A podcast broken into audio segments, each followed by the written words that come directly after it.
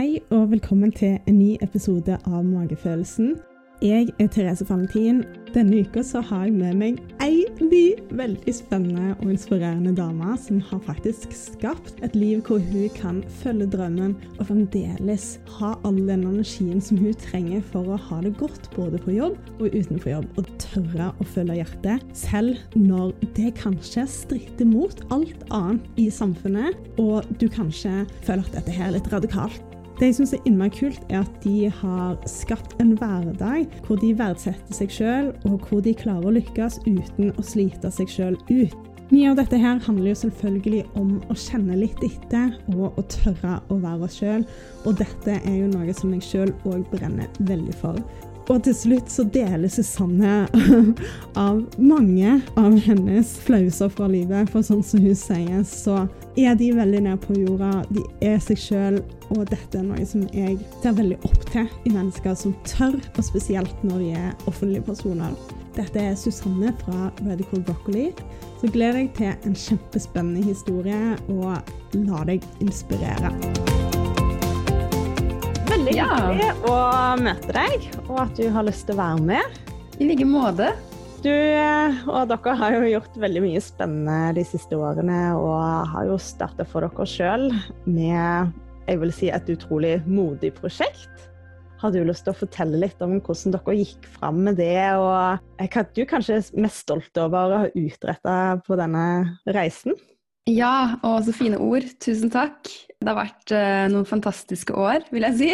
Og da mener jeg både på en måte alle de harde oppoverbakkene Mm. og de høye toppene vi har vært på. Liksom hele reisen, alle delene av det har vært eh, veldig spennende, utrolig lærerikt. Jeg er veldig stolt over å følge drømmene mine, rett og slett. Mm. Jeg eh, har alltid vært inspirert av mennesker som gjør det de vet i hjertet sitt er riktig, i stedet Mm. for å være strategiske og tenke og prøve å gjøre det så bra som mulig for noen andre. Eller Mm. hva som virker logisk og imponerende for andre. Mm. Eh, Det har jeg selv også gjort eh, i lang tid, altså frem til jeg startet Medical Broccoli. Og så var det på en måte som om kroppen og hodet bare sa at nå var det på tide å, å følge hjertet. Det er jo innmari tøft. Så nå har jo jeg drevet på litt for meg sjøl siste året og vet litt hva det innebærer. Og det er jo veldig mange oppgaver du skal gjennomføre. Hvordan har dere gått fram for å liksom få det til å gå fra drøm til virkelighet? Det er et veldig interessant spørsmål, fordi det har gått seg veldig til langs veien. I hvert fall i og med at vi startet jo ikke ut som et planlagt firma med en businessplan og budsjetter og en strategi. Mm. Vi startet med en idé om noe vi hadde lyst til å gjøre, og en veldig viktig beskjed som vi følte at, at vi fikk, som vi skulle gi ut til verden, da, rett og slett. Og så var det jo det å ta det fra hobby til jobb. Det gikk liksom litt dag for dag. Eh, I starten var det jo noe vi bare gjorde fordi det var morsomt, og så skjønte vi etter hvert at vi må jo tjene penger på det her. Ja. Vi må jo leve, vi må jo Altså det er jo også en kjempebra business, og da Mm. lærte vi rett og slett oppdrag for oppdrag hvordan vi skulle gå fram. Og de siste årene har vi fått en del hjelp. Vi har hatt en eh, fantastisk businessmentor og skjønt at det å ha hjelp som selvstendig eller som eh, gründer er sinnssykt viktig. For hvis du tenker deg på en arbeidsplass, så vil du hele tiden få tilbud om kurs og videreutdanning og oppfølging. Og sitter du der som gründer, så har du jo ingenting av det. Så Mm. du må på en måte skape det selv og ta tak i det selv. Så det har vi gjort, og det gjorde rett og slett at vi hadde vårt beste år noensinne i 2020. Mot Ja. alle odds, vil jeg si. ja, det er fantastisk. Ja, så det var, eh, det var veldig stort. Og eh, jeg tipser alltid om å be om hjelp, rett og slett. I en sånn situasjon å på en måte sitte alene og skulle ta en avgjørelse, det er ganske vanskelig, men da, hvis du får hjelp fra noen som har vært i en lignende situasjon, eller kanskje ja, har mye erfaring, så, så er det så mye lettere å komme seg videre. Er det noe spesielt du tenker du har lært det siste året, eller som du virkelig har fått hjelp til? Ja, jeg føler det tydeligste jeg har lært, er rett og slett uh, at vi er businessen vår. Mm. Og vår energi er den som speiler seg i våre salg, våre kunder, antall følgere, antall lyttere, altså alt dette her. Det gjenspeiler seg rett og slett i oss. Og eh, for eksempel da, om, om jeg hadde gjort masse Instagram-poster med en følelse bak det av at jeg skulle bli sett som verdig, da.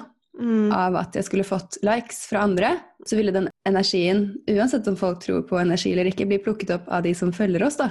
Så det er veldig tydelig å se den connectionen mellom en business og menneskene bak, og den er mye sterkere enn det Eller alt er jo energi den er der, uansett om vi tror det eller ei. Og mm. uh, i hvert fall sånn som jeg ser det, da, og det jeg har lært, og det har vært ekstremt tydelig det siste året. Også når det gjelder bare hvordan man verdsetter seg selv, hva man er verdt, hva man priser seg selv for forskjellige oppdrag, hvilke penger man tar for produktene man selger eller tjenester man selger. Det handler jo også om hvordan man verdsetter seg selv, da. Mm. Så det tror jeg er det største og mest verdifulle jeg har lært, og virkelig sånn grunnmuren da, i alt vi mm. gjør. Og og derfor igjen blir det så viktig å ta vare på seg selv og, og jobbe gjennom følelser og emosjoner og virkelig få til å holde god energi i systemet sitt, eh, mm. sånn at man kan øse ut god energi i alt man gjør, da. Mm. Det er en veldig fin måte å tenke på. Og jeg tror, eh, jeg tror det er veldig mange som trenger det, egentlig. Og spesielt sånn i den tiden vi lever nå, så, så, er det ikke nødvendigvis den måten folk tenker på. Det, det, er veldig sånn prestasjon og rett og galt, og du skal gjøre det på den måten for å oppnå suksess. Og det er utrolig fint å se dere som har et så fint budskap og er så gode rollemodeller for andre som òg har gode budskap. Og at vi trenger ikke del For jeg tror det er mange som ser på salg og markedsføring som noe negativt. Men hvis du mm. markedsfører noe som er bra, og gjør bra for andre, så er jo det utrolig positivt. Jeg har annet på Instagram liksom sletta profiler som jeg merker får meg til å føle meg dårlig, og det syns jeg er kult at dere liksom virkelig får ut positive ting. Å, det er hyggelig, og det er mange elementer til det. Det ene er jo at vi er jo ikke positive hele tiden, men det handler om hvordan vi prosesserer alt vi føler, da. Mm. Og hvordan vi tar det ut og hvilke, hvilken energi vi tilfører andre. Og for Anette og meg er intensjonen vår alltid at med det vi legger ut, poster, podkaster vi spiller inn, videoer, så skal folk alltid føle seg bedre av å se dem. Mm. Eller å plukke dem opp. Og det er ikke selvfølgelig alltid vi får til det, for vi er ikke superpower altså, vi, er ikke, vi er mennesker alle sammen. Og vi må jo respektere at vi alle har dårlige dager, gode dager. Men bare det å vite intensjonen med det man bringer ut, er sinnssykt viktig. Og det andre elementet til det føler jeg er at selvfølgelig det er også mulig å pushe, jobbe, virkelig jobbe seg i hjel og få til mange av de samme tingene. Mm. Men det som eh, jeg syns er så viktig å tenke på, er at du kan også gjøre akkurat det samme med en veldig tilbakelent, avslappet livsstil, bare ved å fokusere på hvordan du føler deg. Og du vil kunne oppnå det samme og til og med mye, mye mer. Og det kan jeg si fordi jeg har prøvd begge deler. Og jeg har virkelig slitt meg helt ut og skjønt at å ja, jeg trenger ikke å overachieve hele tiden. Mm. Så det er bare sånn veldig tilfredsstillende å forstå. Mm. Og så er vi alle forskjellige. Noen, sånn som jeg, altså jeg elsker jobb og jeg har veldig mye energi, holder på fra morgen til kveld.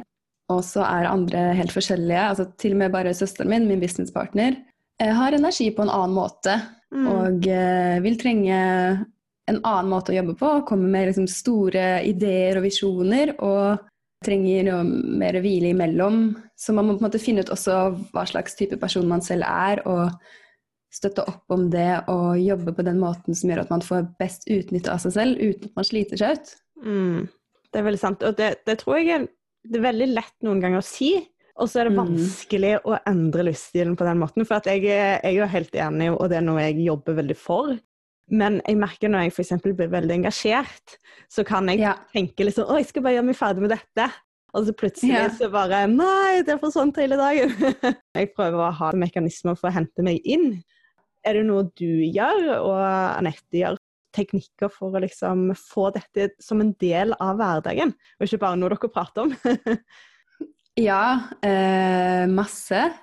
Jeg vil si at vi er skikkelig sånn wellness-hackers. Eh, det handler Det var egentlig hele ideen til Radical Broccoli var hvordan man kunne føle seg fantastisk da, på alle mm. måter, mm. inkludert hvordan jordkloden kunne føle seg fantastisk, mm. og dyrene.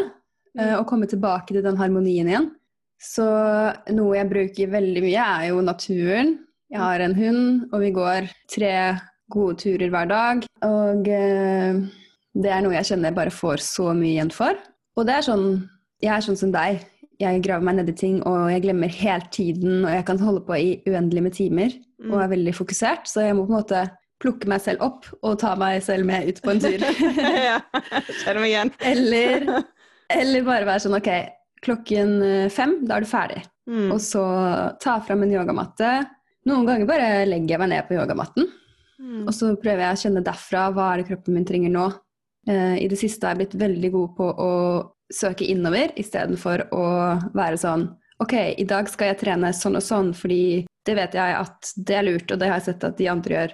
Mm. Istedenfor så ville jeg på en måte nå spurt meg selv sånn Hva er det jeg trenger i dag? Og kjente etter ok, er det en skikkelig svett økt? Er det en yoga? Er det kanskje bare å legge meg i sengen med popkorn og film? Og sånn bruker jeg på en måte veldig mye min egen guiding da, på, på alt. Mm. På hva jeg skal spise, på når jeg skal legge meg, på hva jeg har lyst til å gjøre, på når på døgnet jeg skal jobbe. Og det å stole på den stemmen inni som alltid egentlig vet, Mm. det er ikke så lett i starten. Eh, Jeg har gått fra å være ekstremt ubesluttsom og egentlig bare ignorert alle mine egne signaler, som også gjorde at jeg ble utslitt på et tidspunkt, eh, til å skjønne at kroppen er sinnssykt intelligent. Ja. Den vet alltid. Å stole på det er et ganske stort skritt, som man kan ta gradvis, litt etter litt og dag for dag, Mm. som gjør at man kan komme tilbake til en, en bedre harmoni for seg selv. Da. Mm. Ja, det er noe vi, lærte fra med barn til å bare liksom ikke kjenne så godt etter. Iallfall jeg er det. Eh, Men eh, hvis du kjenner etter kroppen, så vet han ofte. Jeg har hele livet slitt litt med sånn sintefølelser. At Mm. eh, mitt engasjement At jeg blir litt sånn sint på ting. Og så har jeg lært meg til at det handler jo ikke nødvendigvis om sinne, det handler om en frykt eller frustrasjon eller et eller annet. da, Og når jeg lærer meg å anerkjenne det sinnet og lytte til hva som er under, så Ja. Er det mye lettere å leve i tro med den jeg er, og òg kommunisere mine faktiske følelser om situasjonen. da. Men det har Ja, vært en lang reise, og det er vanskelig. Ja. ja, det er rart. Det er som man kommer opp i 20-årene, og så begynner man å bli ordentlig kjent med seg selv. ja, så absolutt. Jeg har også hatt på en måte perioder hvor jeg har vært Hvis jeg får et ordentlig sånn sinne, så kjenner jeg på et behov for å på en måte få det ut. Og da kan det gjerne være veldig fysisk, sånn ok, en bokseøkt, eller å slå noen puter og skrike, Mm. eller å stå foran havet og bare sånn ah! ja. Og så har jeg ofte opplevd at etter det så er det veldig mye sånn Det kan være masse tårer under der. Mm. At man egentlig er lei seg, man er såret, et eller annet, og så kommer det ofte ut for mange da, i aggresjon. Og det er så utrolig deilig når man klarer å ta av den, det lokket. Og det samme for meg da gjelder eh, angst. Og eh, jeg har snakket litt om det før, men bare hvordan jeg endelig har forstått at angst ikke er følelsen i seg selv, men det er det der lokket Mm. oppå. Og under der så ligger det noen følelser som man ikke definerer for seg selv. Absolutt. Det, Mm. Så bare det å spørre ok, men hva er det jeg egentlig føler da, det kan virkelig gjøre at det løsner et eller annet. da. mm. Og så sånn, ok, så trenger man å gråte, eller kanskje man trenger å le. Eller kanskje man bare trenger å snakke med noen i denne litt sånn isolerende perioden.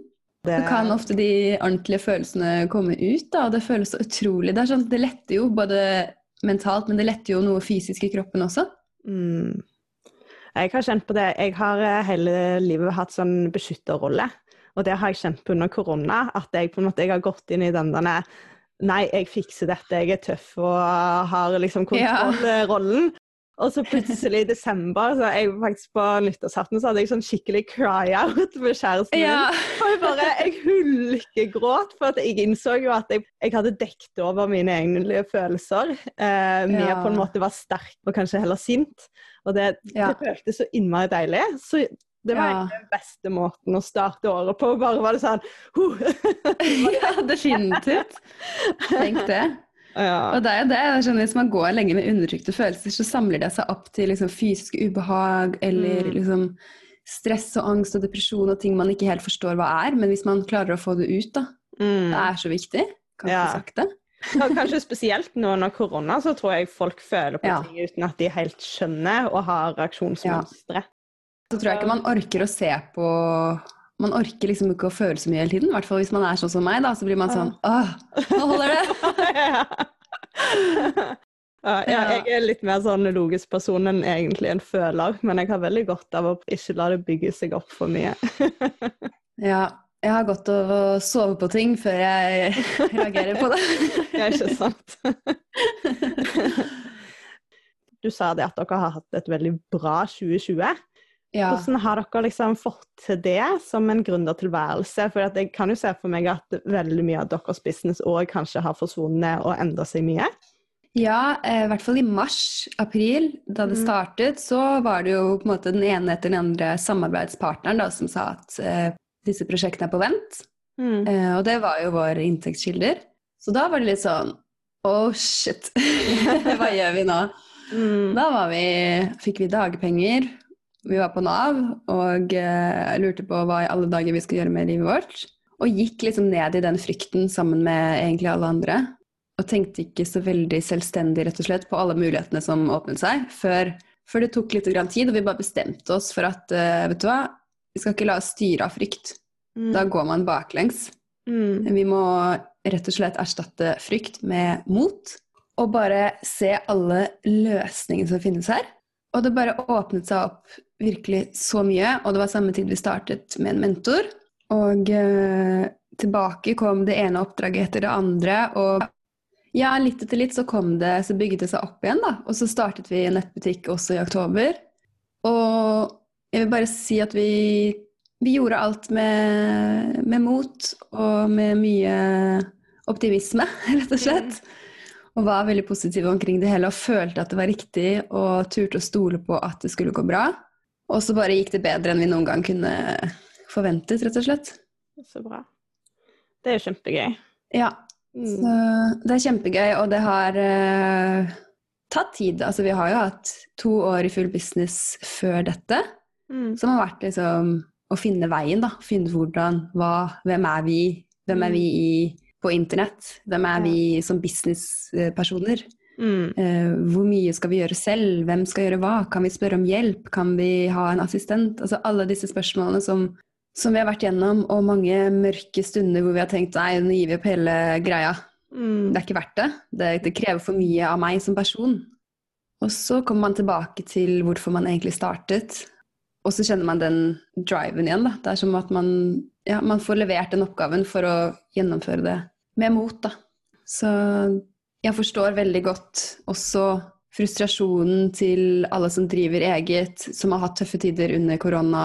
Altså, jeg, jeg vet jo akkurat hvordan det føles, så jeg tror mm. jeg hadde taklet annerledes for ett år siden, for to år siden. Men føler på en måte at jeg står stødigere i meg selv, da. Og at vi begge gjør det i Radical Broccoli nå. Så det er noe av det som har gjort at det gikk så bra som det gjorde, da. Ja, jeg tror jo sånn mot og modighet har jo prega deres reise mye, vil jeg si. fordi at bare det å ja. Det dere har gjort, er jo radikalt. og Jeg måtte bruke det ordet. ja, det er bra. Men, eh, ja. Men jeg, jeg syns jo det er kult, da, fordi at jeg vet jo sjøl hvordan det er å ta litt andre valg enn alle rundt. Og mm. det syns jeg dere er utrolig gode rollemodeller innen det å liksom bare gjøre, selv om det er litt annerledes, og selv om andre kanskje syns dere er rare eller uh, ja. og sånn. Hvordan, hvordan, gikk dere inn i det sånn i starten? For dere var jo ganske tidlig ute. Var det i 2014 ja. dere starta? Ja, første gang startet vi i 2014 en blogg. Eller 2015 var det. Og da gikk jo jeg på Copenhagen Business School og Anette jobbet i Forsvaret, og jeg var veldig busy og var veldig into den verdenen, da. Og så plutselig så bare kom alt dette over meg med hvordan vi behandler dyr, og hvordan vi behandler planeten, og hvordan egentlig det første som kom til oss, var hvordan vi oppdaget matproduksjonen som den er i dag, og hvordan altså, en tredjedel av alle de globale klimagassutslippene kommer fra matproduksjonen. Hvor halvparten av det igjen kommer fra husdyrhold. Altså kuer og altså slakting, av, slakting av dyr og meieriproduksjon, da. Og bare ble så sint. Jeg ble så sint, frustrert over at jeg kunne føle meg så lurt, og at noen, ingen hadde fortalt meg dette før nå. Jeg hadde spist kjøtt og melk hele livet mitt. Alle andre rundt meg gjorde det. Det virket som ingen andre brydde seg. Og eh, nå måtte alt snu med en gang. Så mm. jeg vil si et lite underliggende blandet med eh, veldig utålmodig personlighet. Det var ikke så veldig god match. jeg kjenner meg veldig igjen der. jeg tror Ja, så noen av vennene mine var bare sånn wow, ok, hva skjer? Har du blitt en ny person over natten, på en måte? Ja. Så det var veldig vanskelig for meg å skulle holde tilbake på min passion, samtidig som å være den samme som jeg fortsatt var, som egentlig ikke var meg. Det var uh, litt tricky. Også noe som gikk seg til med tiden. Etter hvert så skjønte jeg og Anette at pekefinger var ikke inspirerende eller motiverende for noen. Mm. Ingen liker å høre hva de gjør feil. Mm. Alle liker å vite hva de kan gjøre bedre, og at de allerede er bra nok. Og det er jo sånn det er også når det gjelder miljøvennlig livsstil. Alle kan gjøre litt, og alle gjør, særlig i Norge, vi er veldig flinke. De Mm. fleste av oss reeskulerer, vi spiser ganske mye planter, vi er masse ute i naturen og nyter. Og det å heller få et klapp på skulderen for det, sånn at man får lyst til å gjøre mer av det, er så viktig. Istedenfor Mm. at vi skulle komme der og ha pekefinger. Så det som skjedde, var at eh, vi holdt på i ett år, tror jeg, eh, Mm. med blogg og litt oppskrifter på Instagram, og så ble det for mye for oss. Mm. Fordi da begynte jeg også å jobbe fulltid i tillegg til masterstudiet. Og nettet jobbet fulltid, så vi bare la det ned. Men det ville liksom aldri slippe oss. det er veldig merkelig. Så i 2017-18 cirka, så startet vi opp igjen og tenkte vet du hva, nå er det på tide å gjøre dette 100% på en inspirerende måte, på en positiv måte, på en måte som gjør at vi også hadde hatt lyst til å følge med på oss og ta imot våre råd. Så da endret eh, hele greia seg, da, også med at litt av vårt sinn hadde fått utløp, og vi hadde modnet litt til, rett og slett. Så Ja. bra. Det er rart hvordan sånne ting kan gå seg til. Men jeg tror jo at verden virkelig Ja. trenger folk som inspirerer, fordi at det ser jeg kanskje litt for mye at folk fokuserer på det som folk ikke får til, og at eh, folk Ja. blir hengt ut i media, og det er liksom ikke rom alltid for å være et menneske. Og feile litt innimellom. Uh, og det syns jeg dere Nei. gjør veldig bra. Det å liksom ja, hjelpe folk sånn steg for seg. Så det har jeg egentlig Det er lyst til veldig å hyggelig at du sier. å spørre deg om. For det er sånn, jeg har, for å være helt ærlig, jeg er veldig fokusert på det å leve miljøvennlig, men akkurat det å spise mindre kjøtt, det har for meg vært vanskeligst. Eh, Litt fordi at jeg òg har eh, Ja. idrett. Så for meg så har jeg slitt lenge med fordøyelse og vært litt sånn forsiktig med hva jeg spiser. Og da har liksom kjøtt vært en av de tingene jeg alltid har kunnet spise, hvis du skjønner. Men eh, nå så er jeg veldig på den at jeg prøver å spise mer vegetarmåltider. Eh, men for meg så har jeg liksom sett det med f.eks. protein. Tror jeg det er veldig mange som syns er vanskelig å liksom vite hva er en god alternativ proteinkilde. Du vet sikkert mye om dette, Ja. og liksom hva som er sånn Ja. byttetriks hvis du liksom skal leve med vegetar. Ja, jeg vil si at det går veldig sånn eh, for meg, da. I hvert fall har gått veldig gradvis. eh, Mm. Veldig flytende over i å forstå ernæring, forstå kroppen min, forstå hva jeg trenger. Så jeg har aldri liksom vært en sånn at jeg har sett på på en måte hvor mange gram proteiner er det i denne retten Mm. versus eh, denne kjøttretten. Mm. Jeg har heller kjent hvordan jeg har følt meg, og det har Mm. funket så sinnssykt bra. Slet også med fordøyelsen eh, for tre år siden, altså før jeg startet å spise vegansk. Og jeg har aldri følt meg bedre enn jeg gjør nå i kroppen min med mitt kosthold. Så det er liksom veldig intuitivt i oss hva vi trenger. Vi må bare åpne opp for å lytte, istedenfor å skulle google oss frem til det og lese om det i magasiner og Mm. alt sånt der. Vi, vi vet så godt. Vi må tørre å stole på. Mm. Eh, Jeg skjønner at eh, også i starten er det sikkert utfordrende. Og det finnes haugevis av gode oppskrifter der ute, med, også med ernæringsmål og hvor mye proteiner det er i ditt og datt. Det finnes jo mange tror- eh, vegetaralternativer som gir deg nok protein, da. Ja, definitivt. Jeg vet der, jo eh, sånn for, eh, for ikke å få fatigue, så, så vet jeg jo at en del som på en måte har eh, fokusert på det å få i seg nok protein. Så, for min del, min kropp eh, trives best iallfall hvis jeg får meg nok protein. Og det er kanskje Ja. det jeg har opplevd folk syns er vanskeligst med eh, vegetarkosthold. da. Det å liksom Mm. ha kompetanse om det. Men eh, hvis Ja. du ikke har så stort fokus på det, så kan vi, trenger du ikke å Nei, men altså, jeg kan jo gjerne komme med gode tips. mm. Selvfølgelig. F.eks. quinoa er en Mm. fantastisk kilde til protein. Altså alle belgvekster, bønner og linser. Eh, Mm. lage hummus og blande inn bønner og linser i salater. Mm. Og gjerne det når man lager de til en mousse eller et pålegg, så blir de også lettere å fordøye hvis man sliter med det. Eh, nøtter og frø er fullt av proteiner. Det er også proteiner i en del grønnsaker. Og jeg vil si trikset med å spise og føle seg fantastisk på vegansk vegetar er rett og slett lage masse hjemmelaget, eh, Mm. spise så variert man bare kan, få i seg hele spekteret. Og etter hvert når man går mer og mer over, så får man sjokk over hvor mange forskjellige typer farger, frukt og grønnsaker, næringsstoffer man får i seg i løpet av en dag. Det er helt vilt. Det er som om at alle cellene bare sånn jubler, fordi de får alt de trenger, da. Og Ja.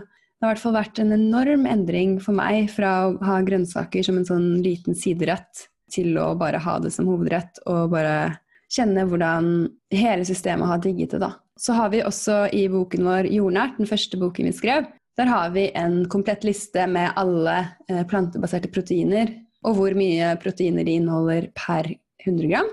Et annet superbra alternativ, f.eks. hvis man liker å ha smoothie om morgenen, så kan man ha nøttesmør oppi smoothien.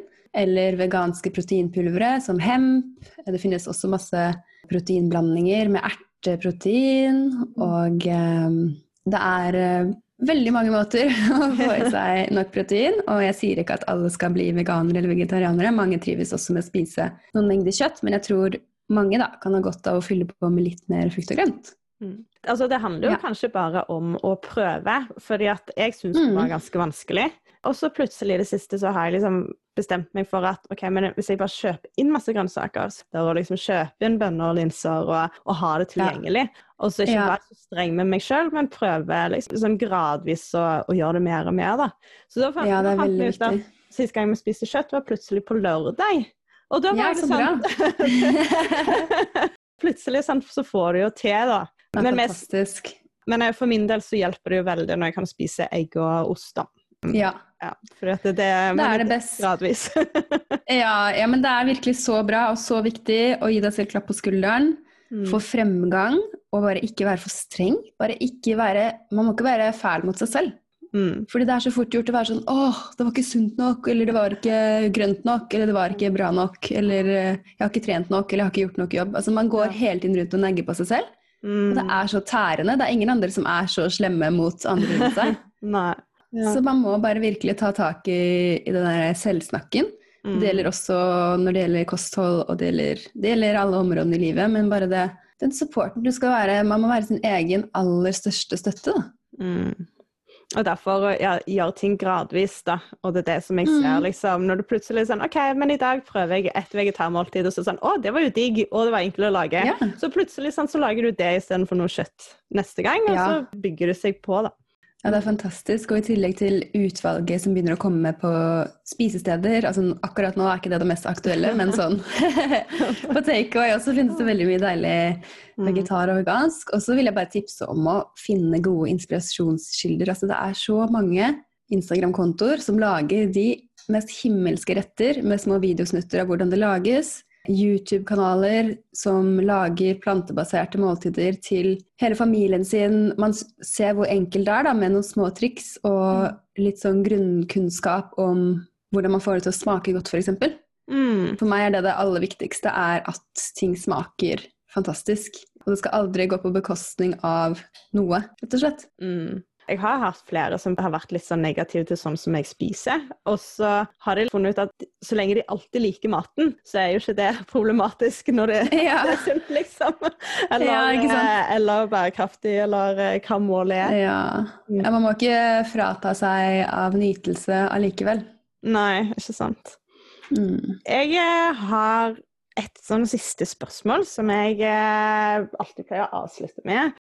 Da syns jeg det er viktig å få dere litt sånn ned på jordet sammen med alle andre. Så det jeg lurer på, er hva er det pinligste du har opplevd i løpet av ditt liv? Å, herregud. Listen er så lang, du aner ikke. Bra. Ok, Apropos nedpå jorden, da, så eh, var det en gang jeg var på en filmpremiere. Hvor eh, min mor kjente regissøren, Mm. og det var en litt sånn big deal. Det var uh, i Norge. Så vi skulle komme inn på rød løper, og jeg hadde med meg noen venner, og det var stor stas. Så går jeg nedover der, og så setter hælen min seg fast i et hull. Å nei. Og jeg flyr langflat utover hele den røde teppet. Oh. Lander i stjerne faceplanter. Rumpa bar. Å Og det står liksom hundrevis av mennesker rundt. Ikke for å se på meg, selvfølgelig, men det ble jo en veldig festlig ting de kunne fange opp på mobilen sin. da. Så, Oh, og eh, vennene mine ble så forfjamset, så de bare gikk. Og jeg kravla meg opp og fikk totalt latterkrampe. Eh, det var sånn re sjokkreaksjon. Jeg bare klarte ikke å stoppe å le. Jeg tror egentlig jeg hadde lyst til å gråte litt òg, men jeg gjorde ikke det. Og det er en av eh, uendelig mange pinlige historier. Jeg har eh, flere som jeg kommer på bare i hodet nå. Eh, Jeg tror eh, familien min har ledd veldig godt av alle de tingene som jeg å, greier å få til. Så bra. Ja. Så ja, veldig sånn eh, Vært veldig klønete, rett og slett. Mange ganger. Ja. Fått betale for det. Ja, det er herlig. Nei, jeg syns det, jeg synes det er veldig fint å dele sånne historier, litt for å få det til Mm. å normaliseres, hvis du skjønner. Ja. Det, ja, det skal også sies en annen gang hvor jeg var på en veldig viktig med EAT Mm. Foundation i Stockholm. Skulle bygge opp til et svært forum om bærekraft, og masse viktige mennesker skulle komme. Jeg skulle um, fikse noe i det rommet hvor alle skulle snakke, og kameraene var satt opp, og det var mye mennesker som gikk rundt der og sånn. Så bøyer jeg meg raskt ned, og så kjenner jeg bare at hele buksa min spjærer. Å nei. Fra toppen bak, helt fram. Jeg fikk helt panikk. Det var mennesker rundt der, og heldigvis hadde ikke selve greia startet ennå. Men eh, så jeg måtte ringe en eh, kompis som også jobbet med meg der, og be han om å komme asap med jakken sin, sånn at jeg kunne ta den rundt livet og løpe opp på hotellrommet. Ja. Ah, Du hadde heldigvis noe annet å ha på. Jeg hadde med meg en annen bukse, ja. Eh, som var ekstremt flaks, men bare den derre lyden Jeg vet ikke om det har skjedd med deg noen gang, men det er så grusomt. Det skjedde meg faktisk første arbeidsdag i Deloitte. Det òg var veldig stas. Oh. ja. Jeg Ja, satte meg ned på huset, så hadde jeg kjøpt eh, typ, ny dressbukse som sikkert var litt for stram. Da, så bare, så bare Yay! Men det var, det var, Ja. det var den oh, dagen jeg hadde på meg dressjakke på jobb, fordi at det var sånn type ny jobb og tror at det er veldig formelt, og så Ah. bare ja, ja. Så da gikk jeg med denne, liksom. Sånn denne skiantrekk eller turantrekk hele dagen. Å, herregud. Mm. Ja, det var flaks, da. Jeg skal også oute Anette litt her. Ja. Eh, Anette, på vårt første møte med bokforlaget vårt, Pilar, så eh, sitter vi alle stille og rolig rundt bordet. Plutselig så bare knas, så detter hele stolen hennes oh, fra hverandre. og hun ligger på bakken. Og det var den beste icebreakeren vi kunne ha. Ja. Det er kjempegøy. Åh, herlig. Mm, så vi er veldig jordnære, begge to. Så bra. Bokstavelig talt. Ja, sant. Dere skal lansere bok nå? Mm, ja. Mm. Eh, vi har eh, skrevet en ny bok som nå er hos redaktøren vår. Eh, det er vår første bok på engelsk, og den handler litt om egentlig mye av det vi har snakket om i dag. Hvordan man står i seg selv når man starter noe eget, hvordan man tør å ta de modige skrittene, og alle de historiene bak våre erfaringer. Hvordan man faktisk håndterer sånn enkeltsituasjoner Mm. ut fra sånn som vi ser det, da, og hva vi har erfart. Ikke bare sånn store konsepter og 'this is how', men sånn mm. virkelig ned i detalj, da, hvordan, hvordan da føltes det å gå gjennom ting, og hva man har lært av det. Rett og slett å gå fra frykt til mot er et overordnet tema i boken. Og vi har valgt å gi den ut som en e-bok med det første. Og så planlegger å trykke opp eksemplarer også, fordi vi vet at folk elsker fysiske bøker. Vi elsker fysiske bøker. Eh, Men hadde på en måte lyst til å teste noe nytt denne gangen. Så det er eh, skikkelig spennende og skal snart designes, og så kommer den ut. Så gøy. Ja. Den skal lanseres nå i starten av februar, var det? Eller? Mm. I løpet av februar så skal den komme ut. Så det blir superspennende, og jeg føler det er for eh, Ikke bare for folk som har egen business, men for alle som drømmer om å gjøre noe som de vet at de har lyst til, men de vet ikke helt hvordan. Eller de Mm. tør ikke. Dette er boken for dem. Så bra. Hva skal den hete? Ja. Den skal hete Radical Courage. Kult. Ja. Du får ha masse lykke til med lansering. Og så Tusen takk. hjertelig takk for eh, et fint intervju. Takk i like måte. Veldig hyggelig og behagelig å snakke med deg. Hvis du likte denne samtalen, så lytt veldig gjerne på noen av mine andre episoder som handler om hvordan å ha det bra med seg sjøl ved å være seg sjøl. Det å kjenne litt på skammen og frykten og trossene, og, og leve et liv som du virkelig vil ha. Ha en fin uke og ta vare på deg sjøl. Vær deg sjøl, og gjør noe som du syns er gøy. Fordi at det trenger vi alle i disse her koronatider. Det skal vi ikke si, skal vi vel? ha det bra.